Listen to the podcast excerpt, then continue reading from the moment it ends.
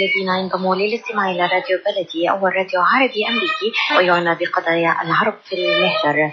برامجنا في راديو بلدي كل يوم جمعه من الثامنه وحتى التاسعه صباحا مع ليلى الحسيني في بث حي ومباشر عبر دبليو ان زي كي راديو 690 اي ام. صباح الخير بلدي صباح الخير لكل مستمعينا. Welcome to Radio Baladi, the first Arab, Middle Eastern, and American simulcast radio show. Radio Baladi is broadcast every Friday morning on WNZK 690 AM from 8 until 9 Eastern Time on Good Morning Michigan with Layla Al Husseini. Our call in number 248 557 3300. And now, stay tuned for the best radio talk show on Arab and American issues with your host, Layla Al Husseini.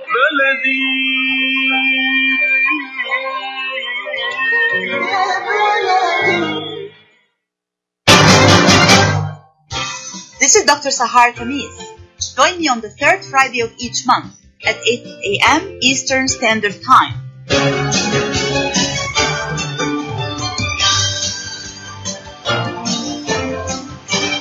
I'll be discussing some of the most important current political, economic, and social issues in my program, The Bridge. On Radio Baladi, on America's Voice of the Arabs, WNZK 690 AM and WTNV 700 AM. Good morning, everyone. This is your host, Dr. Sahar Khamis. Welcome back to another great program on Radio Baladi on US Arab Radio. There is no question that COVID-19 crisis has affected so many aspects of our lives, but some groups of people and some sectors in society have been impacted more than others. Today we're going to talk about an important and timely topic, the gender gap in the MENA region, the Middle East and North Africa, amid COVID-19, challenges and opportunities. We're going to take a closer look at how this crisis has impacted women worldwide but specifically how it had an impact on Arab women and women in the Middle East region in particular. And with me this morning discussing this important topic are two women experts who can talk very well about this particular issue Dr. Tamara Kharoub and Ms. Eliza Campbell. Dr. Tamara Kharoub is the Assistant Executive Director and Senior Research Fellow at the Arab Center, Washington, D.C. Her research work covers a variety of topics including democracy and human rights in the Arab world, U.S. foreign policy in the Middle East, the Palestinian Israeli conflict, identity politics, and the role of the media in political transitions and democratization in the Middle East region, among other topics. And my second guest, Ms. Eliza Campbell, is the Associate Director of the Middle East Institute Cyber Program, a research coordinator for Middle East Institute's Research Unit, and a researcher in technology and human rights at Georgetown University. She was a 2017-2018 Fulbright researcher in Bulgaria and previously worked in the human rights sector in Jordan. Welcome to the show. Thank you so much for joining us. Thank you for Thank having you, us. Thank you so Happy much. So basically, this discussion, we're going to talk about, uh, you know, as I said in the introduction, how COVID-19 has impacted women, specifically in the Arab region. So we'll start with giving a global, you know, overview that COVID-19 has really had negative effects on everyone, as we all know, around the world, regardless of gender, color, race, nationality, religion, you name it. But women appear to have suffered really the most, have been more negatively impacted by, by this whole pandemic. So I'll start with you, Tamara. Like, why and how you think this is the case? Um, so in general, we know that in the Arab world and in, in the Middle East and North Africa, the gender development index um, is already among the lowest in the world, which the gender development index that measures gender equality. So we're already facing um, a difficult situation for women. And it is well known that crises reinforce these inequalities and widen the, ca- the gap for already um, disadvantaged and vulnerable groups, and that includes women, um, which generally represent um, half of the population. Um, so it is no surprise that women have been um, greatly impacted by the coronavirus pandemic um, in many different sectors of of, uh, of life, whether it's employment, um, domestic violence, the economic situation, um, access to to healthcare, being the um, you know caretakers at home in terms of access to information and, and education, distance learning, and so on. Absolutely. We can go into more details Absolutely, absolutely. And Eliza, you know, this is really uh, an overview. Like women do suffer from all of these, you know, disadvantages and in many cases also invisibilities. If we are to zoom in specifically on women in less developed regions or less, less developed parts of the world, including, for example, the MENA region, how can we see that some of the points or some of the challenges that Tamara already mentioned are particularly impacting or affecting women in this particular region? Well, I think globally, um, what the pandemic has shown us is that most of our societies around the world have a crisis of caretaking. It's not something that we have traditionally valued or placed enough investment in, um, and that's obviously all the more the case in the developing world and um, in countries in the Arab world in particular. So when women play the the higher share of the role of caretakers for the sick, for the elderly, for the vulnerable, for children, that places them at a higher risk of infection. That means that they're um, daily labor has increased, I think, as a, an overall share. Um, and it also means that uh, when it comes to caretaking of societies, when it comes to decision making, when it comes to making long term policies that benefit the whole and that really take holistically into account the health of a society, um, the needs of the vulnerable have not typically been counted, have not typically been taken seriously at these decision making, you know, tables of power. Um, and that means that gains for women tend to fall disproportionately more and more behind, um, as Tamara said. Mm-hmm.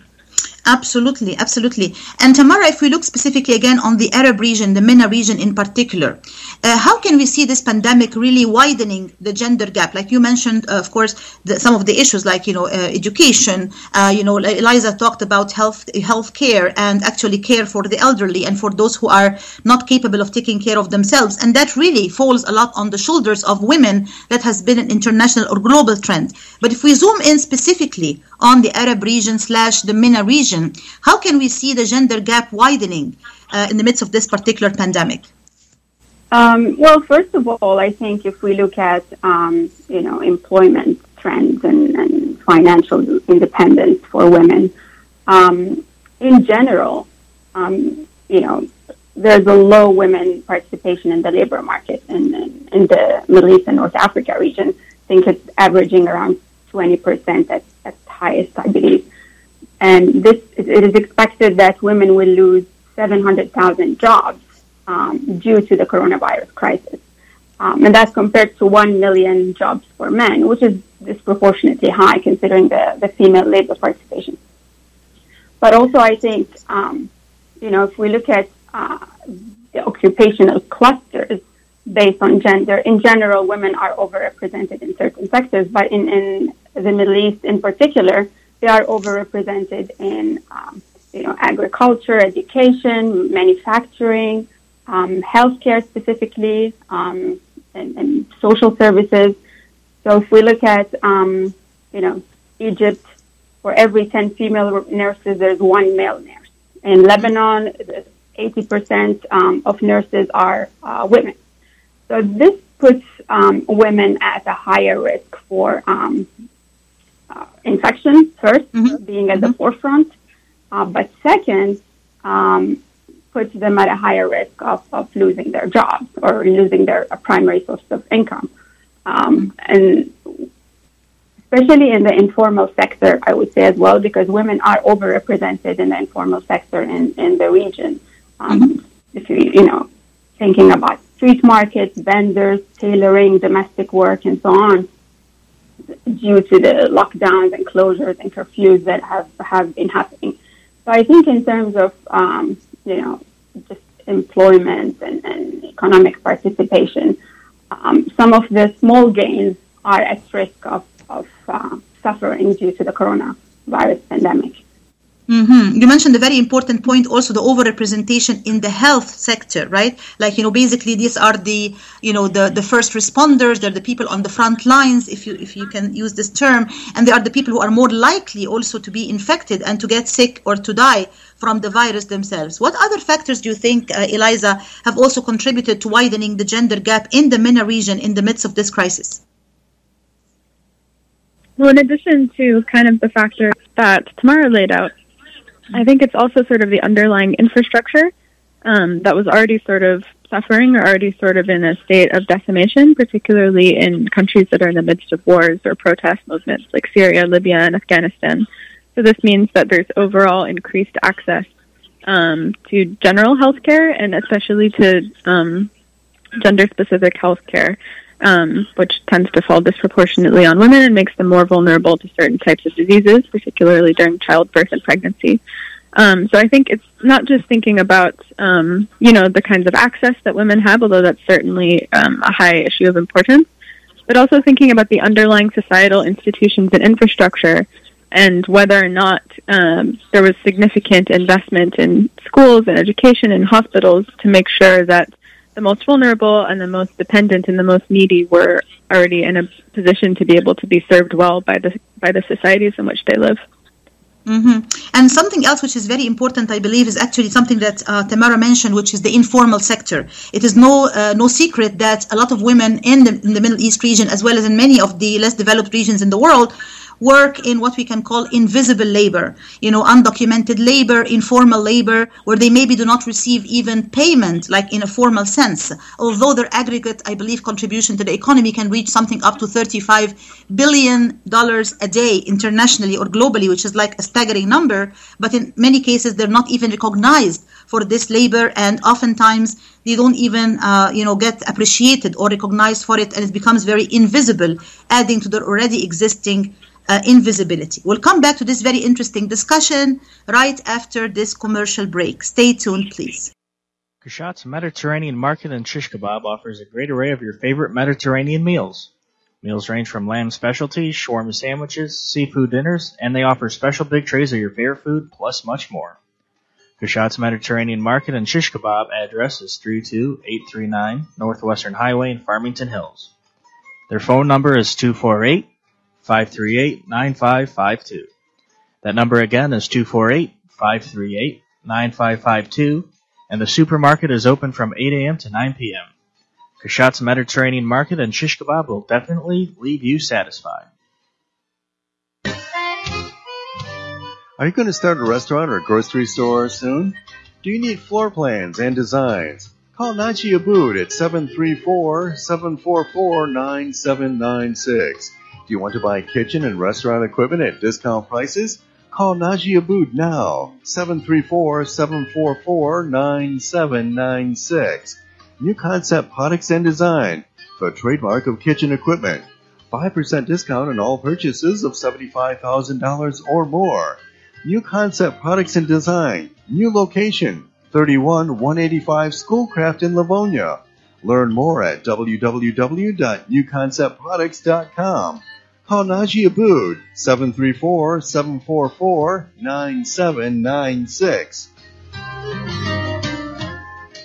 Rahma Worldwide Aid and Development provides humanitarian aid in several countries, especially in areas inside Yemen, Gaza, Syria, Lebanon, and Jordan, in addition to others in Africa and around the world. Rahma Worldwide provides food baskets, container shipment, medical supplies, mental health care, education, orphan sponsorship, soup kitchens, and more. Go to rockmarelief.org or call 248-990-4247. Any amount donated to Rahma Worldwide will go to sustaining many lives. Call now 248-990-4247. When you're looking for the best in optical care, Dr. Imad Nakash is your doctor to see. With years of experience and thousands of successful procedures performed, you can trust your eyes to Dr. Imad Nakash. See Dr. Imad Nakash and his professional staff for your eye care needs. There's two locations to serve you. In Hazel Park, call 248-336-3937. 248-336-3937. In Rochester Hills, call 248-299-3937. That's 248 299 3937. This is Dr. Sahar Khamis. Join me on the third Friday of each month at 8 a.m. Eastern Standard Time.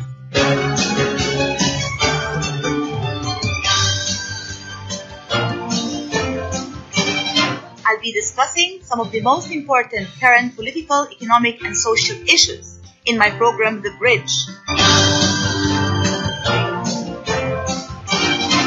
On Radio Baladi on America's Voice of the Arabs, WNZK 690 AM and WZNV 700 AM. Welcome back to the show, everyone. This is your host, Dr. Sahar Khamis, and we're discussing today a very important topic the gender gap in the MENA region amid the COVID 19 crisis, challenges, and opportunities. And with me this morning discussing this important topic are two women experts Dr. Tamara Kharoub from Arab Center in Washington, D.C., and Eliza Campbell from Middle East Institute in Washington, D.C. So, uh, Tamara, if we look at the region as a whole, which countries do you believe have done better than others in the midst of this crisis and why? Uh, you mean have done better in responding to the crisis in general, or no? I mean in spe- specifically in terms of the uh, the gender gap in particular, like how they were able to maybe uh, not have the women suffer that much or lose that much as a result of the pandemic. Um, I've seen some reports um, about you know Tunisia responding to um, domestic violence, the rise in the domestic violence cases. I've seen some reports about um, Jordan. Um, I think uh, instituting instituting um, women in some decision making and administrative um, position uh, in, in, the task forces to respond to coronavirus uh, because that was an issue. Um, I know, for example, in Gaza, there were um, 100% men in, in quarantine centers, and mm-hmm. half of people quarantined were women. So that was a, a, serious issue there. And I think in Jordan, there was a similar issue that they responded to, and, and they included more women.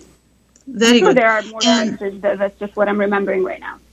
Mm-hmm, mm-hmm. Very good. And uh, Eliza, if I ask you the same question, which countries do you feel in the region have actually done better than others in terms of closing the gender gap, and which ones haven't, and why? Well, I guess I would say first that this is something we're going to have to keep an eye on for the long term. In a lot of ways, um, societies are laying kind of the seeds right now for what will eventually be um, policy implications that come to fruition later on. This is something that I don't expect will be an end to a crisis for you know some months. But um, so in that respect, there's a little bit of a lack of data in terms of knowing exactly what is happening. Although I agree with Tamara, the countries that she mentioned have certainly made investments in a few key areas. I guess I would also just say um, I think countries like Tunisia and Jordan, as she mentioned, have made explicit decisions to bring women into the decision making um, bodies that have sort of dealt with the overall um, COVID 19 response and with um, the accompanying gender gap. But I also think it's important to keep in mind that a lot of the countries that are undergoing popular protest movements right now, um, it'll be really important to keep watching how those countries respond to such movements since they tend to um, play a large role in determining the future of women's role in power making and in decision making, particularly in movements in Lebanon, um, in Algeria right now, in Iraq, for example. Um, I think it'll be important to see how those countries decide um, to deal with and how those tr- those protest movements are received and treated in the long term, because a lot of those movements are intersecting as well with um, popular movements for mutual aid amid the COVID nineteen crisis.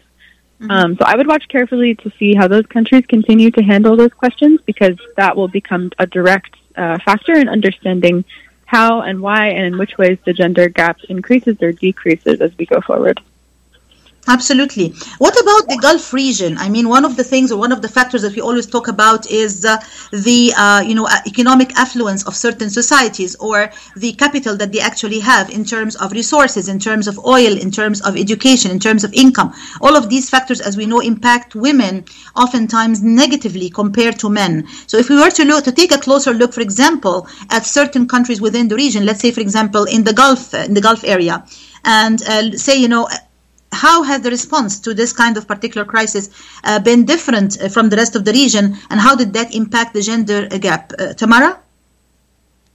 Um, yeah, so um, I think again we don't really have a lot of data, but um, the Gulf region generally has um, more female representation in, in, in the workforce. Mm-hmm. And um, in Saudi Arabia, for example, um, if we look at freedom of movement. So this crisis has enabled um, tracking of women by their family members, which mm-hmm. we know has been happening in the past. but under the pretext of um, contact tracing or you know coronavirus response, um, it's, it's become more acceptable and normalized to um, attract women or to limit um, the mobility of women in those countries.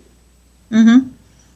Absolutely. So, I mean, it's a double edged sword, right? I mean, in a way, it can be helpful, but it can also have issues like invasion of privacy and can have some negative uh, effects as well. And Eliza, you want to comment on maybe comparison, like between different countries in the region in terms of their, uh, you know, gender gap response in the midst of this crisis, specifically something like, for example, the uh, countries in the Gulf region and how they compare to the rest of the MENA region?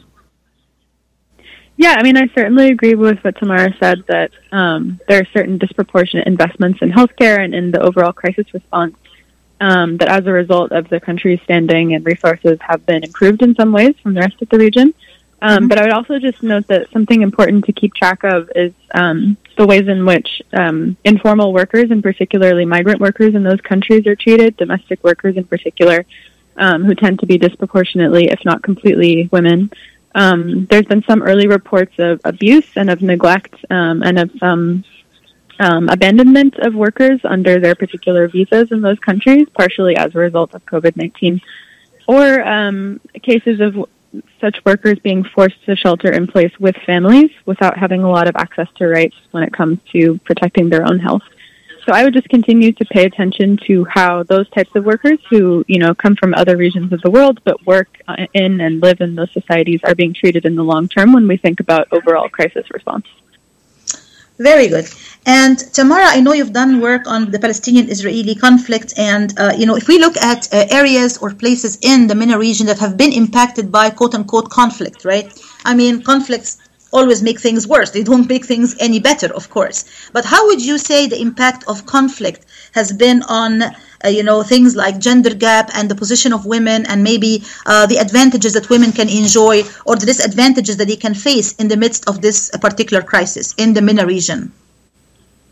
So generally, I think um, you know, with with uh, increased conflict, you have um, limited access to to opportunities, um, economic, education, and in Palestine in particular, you have you know limited um, freedom of movement um, uh, to go to university, to go to school, to go to work, to go to hospital. Even you have to face um, Israeli military checkpoints uh, along, along the way and the uh, the wall and, and so on.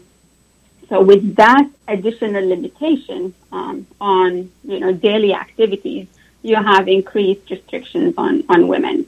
Uh, when it's more difficult to go to school, then the priority is given to, to uh, the male members of the family. Um, whether it's, you know, economic movement, um, access to, um, you know, online resources, for example. So mm-hmm. not mm-hmm. everyone has a computer. Mm-hmm. Um, internet access is, is limited, but internet access to, um, you know, men is um, higher than women in the region in general. And mm-hmm. so when you add the coronavirus pandemic and um, the lockdown, you have increased dependence on um, being connected to the internet. Mm-hmm. And so when, when you don't have that accessibility, you lose opportunities for distance learning, for um, information sources that can be life saving. You lose opportunities for uh, employment as well. Absolutely, and we'll come back to this point about the gender digital divide in particular because it's one of my you know areas of interest. Uh, unsurprisingly, but before we do so, I have a question for you, Eliza, in terms of uh, your work on refugees. I know you've done some uh, research and you have some interest in the area of refugees in particular in the MENA region. If you want to comment on, uh, you know, how particular maybe disadvantaged or marginalized groups, you mentioned before domestic workers, for example, uh, who are, you know, of course, um, you know, mostly uh, women, how they have been impacted negatively by the crisis. But what about specific endangered groups, like, for example, refugees in the region? How have they been impacted by this crisis? Yeah, I think it's a really critical question. Um, I think not just in the Middle East, but around the world, there has been evidence that a lot of regions are going to start using this crisis as the pretext to shy away from their responsibilities um, under international treaties and agreements when it comes to the care of and reception of refugees and asylum seekers. Um, that's certainly proven the case, unfortunately, in various parts of the Middle East. Um, even on the southern border of Europe, there's been some reports of pushbacks, um, some rejections of refugees um, as violations of international law from Greece, for example. These are early reports. Um, but in Lebanon as well, for example, there's been reports of increased curfews, as Tamara said, increased uh, sort of acceptance of surveillance technology, um, increased tracking of people's movement, of refugees' movement. Um, so overall, this is going to be something that we're going to have to watch really closely because there's the potential for um, countries to use the pretext of national security or you know public health to really, really violate the rights of um, the most vulnerable people, and that definitely includes refugees and asylum seekers, particularly those who live in protracted refugee situations um, in the Middle East and elsewhere where they don't really have access to citizenship rights. So that's definitely something to keep a really close eye on.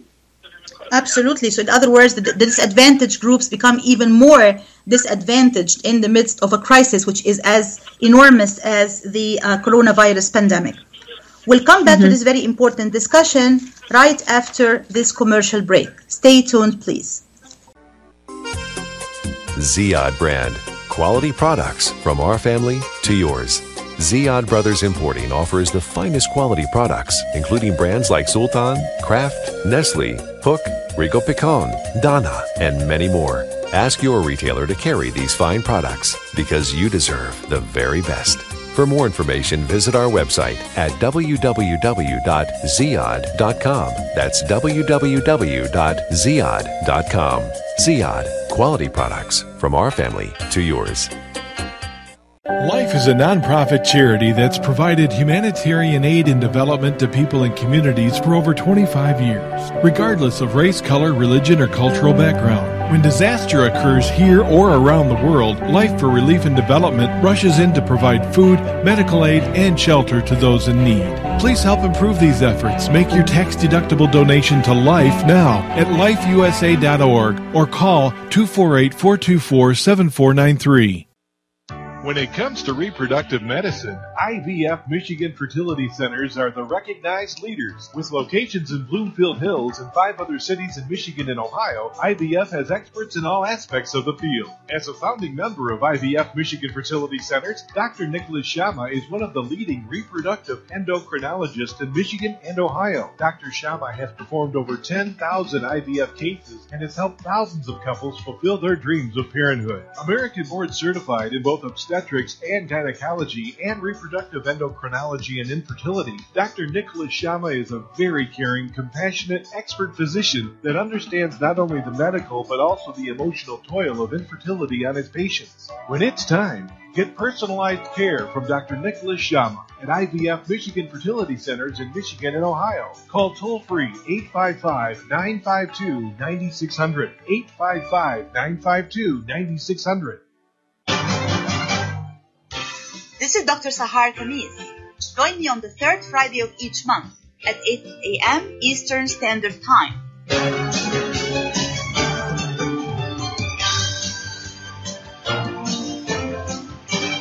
I'll be discussing some of the most important current political, economic, and social issues in my program, The Bridge. On Radio Baladi, on America's Voice of the Arabs, WNZK 690 AM and WDMV 700 AM. Welcome back to the show, everyone. This is your host, Dr. Sahar Khamis, and we're talking today about a very important topic the gender gap in the MENA region amid the COVID 19 crisis the challenges and opportunities. And with me this morning discussing this timely and important topic are two women experts, Dr. Tamara Kharoub from the Arab Center, Washington, D.C., and Ms. Eliza Campbell from the Middle East Institute in Washington, D.C. So now we're moving into our my favorite topic, which is really the gender digital divide. And Tamara did, uh, you know, uh, uh, talk about this uh, briefly, but I want to really elaborate on it because what happens here is in the midst of this crisis, people are really moving a lot of their activities online, a lot of online teaching, a lot of online work. Uh, you know, a lot of activities are virtually uh, and technologically based. And it's no secret that just like women are disadvantaged in areas like education and health and other issues we, we already talked about, there is also this big quote unquote gender digital divide, which really can be looked at as a double edged sword. It can really, uh, you know, in a way, um, uh, bar women from a lot of activities and continue to do so in a very cyclical, very uh, continuous way. So, Tamara, I'll start with you since you mentioned this already. How can we really look at this gender digital divide in the in the region, and how is it getting from bad to worse in the midst of this particular crisis? So, I think um, just looking at the at the numbers um, to start with, um, half of the female population in in the region has, does not have access to the internet or to a mobile phone. So when we look at um, the current state of affairs, where everything has turned to um, you know digital access or turned digital, then we can consider that half of the, the women in the region don't have access to most of the activities that um, are happening, whether it's access to health information related to the coronavirus, um, access to connection with family members, access to uh, distance learning and education, access to uh, remote work, being able to, to do work um, online, and um, that affects, you know, the, the gender gap. And this digital gender gap affects the, the gender gap, obviously. Um, mm-hmm overall. But I want to mention uh, also one important thing, which is, you know, this lack of access to connecting with, with uh, the outside world or family members or even services, um, particularly and more greatly affects women who are in domestic violence situations. Mm-hmm. Um, it's something that has, has um, been, you know, it's been called by UN Women as the shadow pandemic. Mm-hmm. Um, in the Arab world, um, obviously those cases are underreported, but from the very, very conservative numbers that we have, for example, um, you know, one quarter of married women in, in Yemen, Morocco, and Egypt have reported being physically abused by their husbands. So mm-hmm. that is alarming, and that's very conservative. Um, mm-hmm. And we know that this has increased um, during the coronavirus uh, uh, pandemic. Mm-hmm. And mm-hmm. uh, so I think this disconnectivity in general, uh, where everything is dependent on being online and being connected, has put these women in, in increasingly um, uh, risky and vulnerable situations.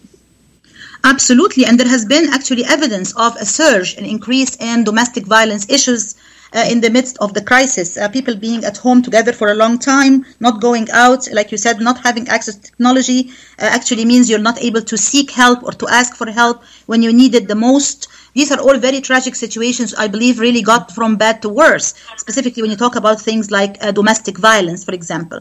But again, if we talk about the gender digital divide, and I know, uh, Eliza, for sure you have a lot to say about this particular point, uh, you know, uh, how can we see it? Uh, really, in my opinion, it's a cause and an effect. You know, the, the fact that women are uh, the less educated, the less disadvantaged, the less advantage when it comes to economy and all of that stuff makes them also less capable of uh, accessing technology. But not being able to access technology can also be seen as a reason to increase or to exacerbate their already existing problems. Can you please comment on that, Eliza?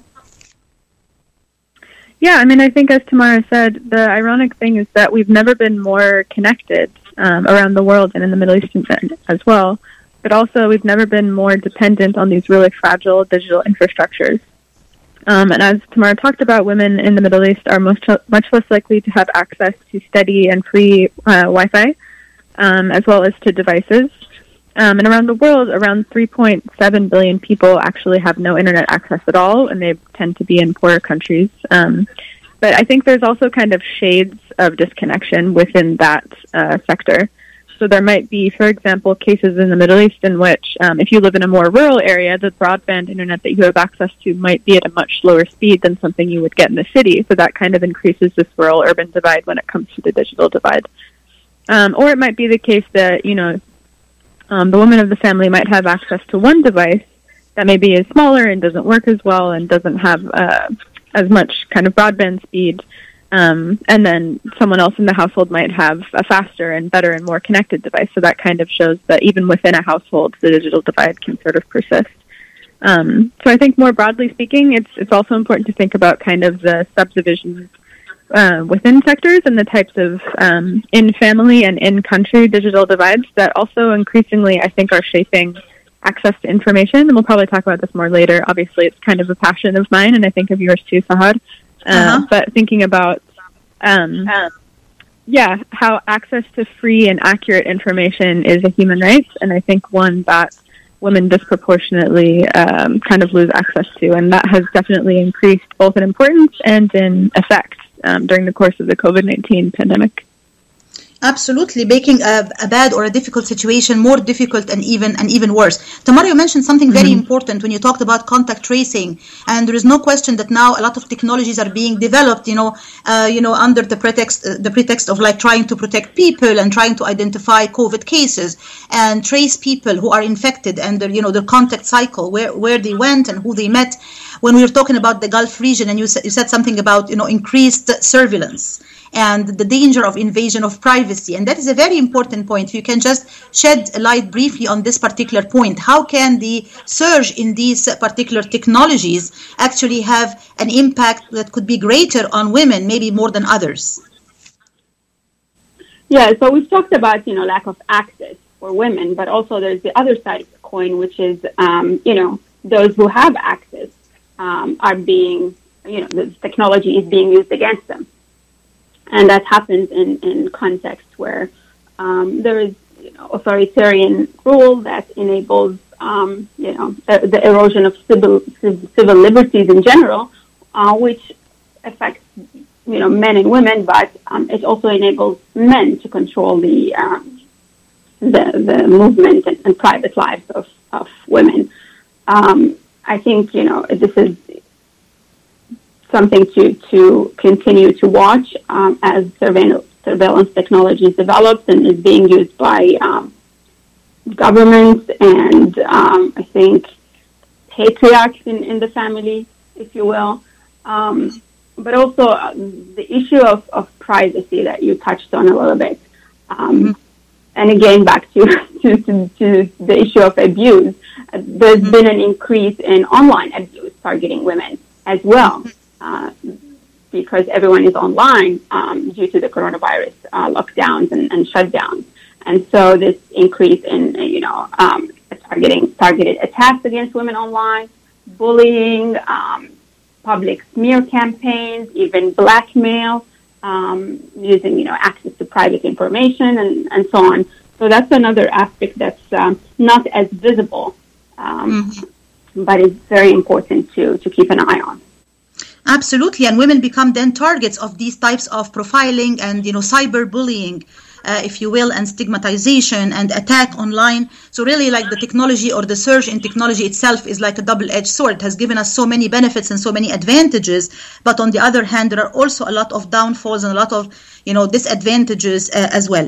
Eliza, uh, being also the associate director of the Middle East Institute Cyber Program, I cannot help but ask you this question: Are there any remedies? Are there any uh, maybe solutions or ways to try to uh, try to bridge or to close this uh, gender digital gap in any ways in the MENA region? Well, I certainly hope so, and I think that there are. Um, I think increasingly we're having conversations around the world um, and the, in the Middle East as well about treating internet access as a public utility uh, or a public good, something that the government should subsidize um, or at least have more um, information about access to. Um, I think that is something that would really help to sort of mitigate this if it was not handled um, privately by so many different actors, but if it was something that we treated as um, a public good, which it which it is increasingly. Um, I think also different forms of training and different awareness. This is something that I think the newer generation um, will certainly have an edge up on than kind of the older generation in the Middle East of women. But learning about, as Tamara referred to, different types of ways to protect yourself online learning about the basics of cyber hygiene, learning about the basics uh, of internet rights and internet protection um, is something that will sort of help to mitigate this overall problem, not just in the short term, but you know, in a kind of systemic and overall way as well. Um, and then I think as well there are various international bodies, um, in particular the UN, that are really investing in internet freedom and digital rights as a form of sustainable development. Mhm. Um, and I'm hoping that that will continue. Mhm. Excellent. We'll come back to this very important discussion right after this commercial break. Stay tuned, please. إلي ساعة عم بستناك مشان نروح نتغدى بالشام الشام؟ ايه بالشام ومو بالشام شلون صارت هي؟ بدل ما نروح نتغدى بالشام ايه جابوا لنا الأكلات الشامية الطيبة لعنا لهم وشلون بقى؟ هذا مطعم دماس عم يعمل كل الأكلات الشامية الطيبة هو طيبة؟ طيبة كثير شرفوا نتغدى سوا بمطعم دمار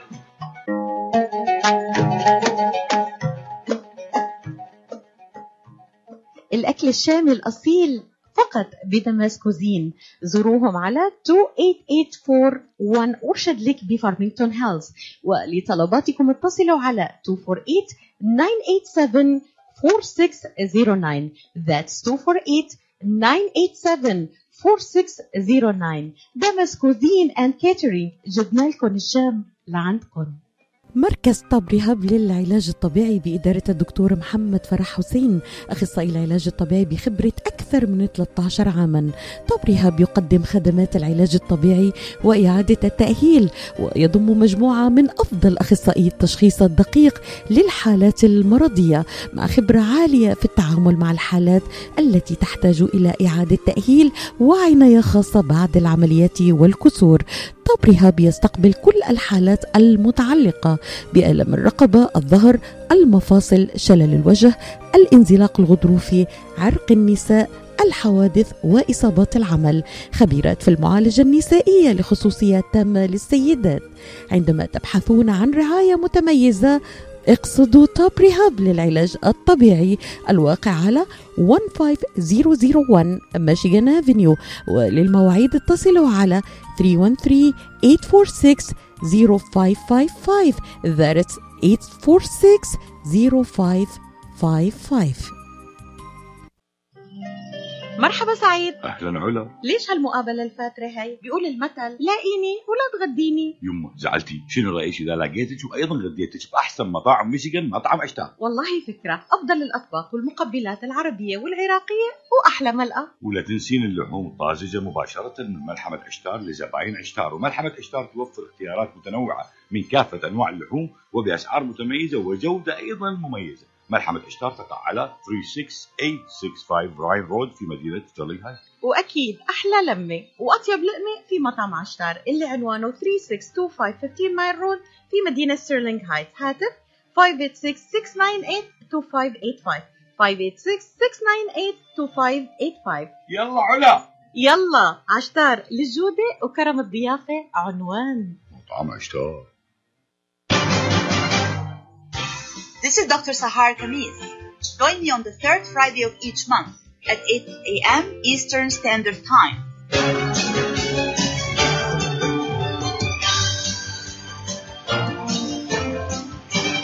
I'll be discussing some of the most important current political, economic, and social issues in my program, The Bridge. On Radio Baladi, on America's Voice of the Arabs, WNZK 690 AM and WGMV 700 AM. Welcome back to the show, everyone. This is your host, Dr. Sahar Khamis, and we're talking today about a very important and timely topic the gender gap in the MENA region in the midst of the COVID 19 crisis, challenges and opportunities. And with me this morning discussing this timely and important topic are two women experts Dr. Tamara Kharoub from the Arab Center, Washington, D.C., and Ms. Eliza Campbell from the Middle East Institute in Washington, D.C. Now, Eliza mentioned the UN, so we'll move now to the international uh, organizations or international community and what role can they possibly have in terms of trying to assist or to help or provide some kind of support for uh, women in uh, you know regions in the world that suffer the most from all of these challenges like the MENA region? And I'll start with you Tamara. What do you think what role can the international community play if any in the midst of all of this? So I think in, in um, as we know in many countries in, in the region, um, you know, there's authoritarian rule where um, governments control um, access to information and, and um, access to resources and opportunities and the uh, liberties and, and rights as well. And so in this situation, in, in, in a context like that, where governments are reluctant to um, institute policies or, or changes in support of, of uh, women's rights and empowerment, it's important for uh, multilateral mechanisms to come into place. Um, I think um, there's already, um, you know, m- you know, the CEDAW, a few other, um, um, I think, uh, agreements that most Arab countries are signatories to, but there's no enforcement per se. So, and I think it's important to um, to you know address this issue. We know that uh, the UN has um, policies, priorities, budgets, programs, uh, agreements, and many countries are, are, are ratify them and are signatories. But then enforcement is always a problem, and I think we have to come get to a place where we can uh, address that issue. Um, in Arab countries, in, in in particular, for example, um, some gender norms and, and roles limit that, but also governments are not interested in, in enforcement. They're, they're mostly um, occupied by their own uh, political interests and survival. Mm-hmm. Very good. And Eliza, if I was to ask you the same question about the role of the international community, like different, you know, international bodies or organizations, or you know, important uh, bodies like the United Nations and and you know UNESCO and others, you know, how can they possibly help and and provide some kind of assistance, maybe in the midst of all of this crisis, to try to uh, improve the situation of vulnerable groups in the region, such as women, specifically, for example. Well, I definitely agree with Tamara that a multilateral approach will be um, critical, especially as she mentioned, kind of the divide between what is stated and then what is actually practiced grows even bigger. Um, I will note that I think it's important that the UN Secretary General Antonio Guterres just mentioned that, or he referred to the digital divide as a matter of life and death, um, especially in the context um, of the COVID 19 crisis. So, this is something that I think is certainly being taken seriously at um, higher levels um, of international bodies. I think there's also been a lot of important work by uh, large international kind of philanthropic bodies. The Melinda Gates Foundation, for example, has sort of led a lot of work as it comes to digital access and digital rights, and that's something that I think it's important to keep fighting for that to remain a priority when it comes to um, big public health and public safety initiatives in the international community. But at the same time, I think it's important, um, kind of going back to that local level, um, to think about some of the important work that's already being done by organizations on the ground in the Middle East who are really kind of at the forefront of um, battling for digital freedom and for you know equal access and equal rights. I think making sure that um, taking a lot of this large scale information really local, making it accessible in a lot of different languages to a lot of different types of people um, will be really really crucial. Um, and then finally, I think you know engaging with a lot of the top platforms um, and a lot of the top internet providers. And I think Facebook has kind of led the way on this in a lot of ways, um, on making sure that their policy teams really take into perspective the needs of the societies in which they operate, making sure that they have, you know, Arabic speaking people on their policy teams in the region when it comes to thinking about freedom of access and disinformation on their platforms um, is also really important. So, kind of this global local hybrid model, I think, may be a good way to go forward. Absolutely, I like this uh, hybrid model of global and local, so that you know we actually have this kind of, of balance. We talked a lot today about the disadvantages, the threats, the challenges, the negative sides, but we did not talk about the opportunities. And I think that women's leadership is now something that people talk a lot about in the midst of this crisis. They talk about, you know, women have to be now at the table. You know the saying, if you're not at the table, you will be on the menu. One of my favorite proverbs. and I think that in the midst of this crisis, it, you know, it's really very clear. We do need women's leadership. What other opportunities can you actually see for women's leadership and for women to step up uh, and to improve their status in the midst of this crisis? Tamara, I'll start with you.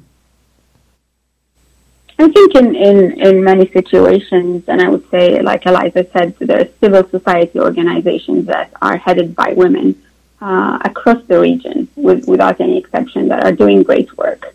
Um, and I think that it's a great opportunity and it's uh, it's a great avenue uh, for um, you know increased participation of women in, in the decision making process.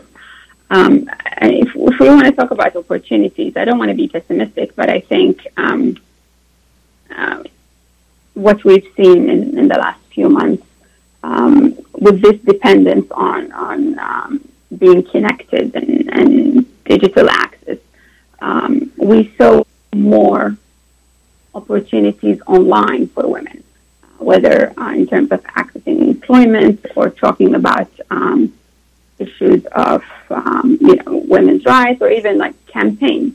So one example I think um, that was presented by um, the internet and technology in Palestine is this increased awareness about domestic violence that um, was not really on the table before.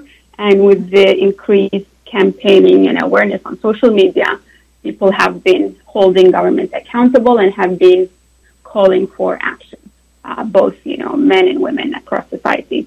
So I think that's one opportunity that we can say is presented by by um, you know access to technology. Mm-hmm, mm-hmm. But of course, technology itself, as we said before, can be a barrier, especially for women. So it's really like you know a, a dilemma. We're, we're, dealing with a dilemma here, uh, or a paradox, really.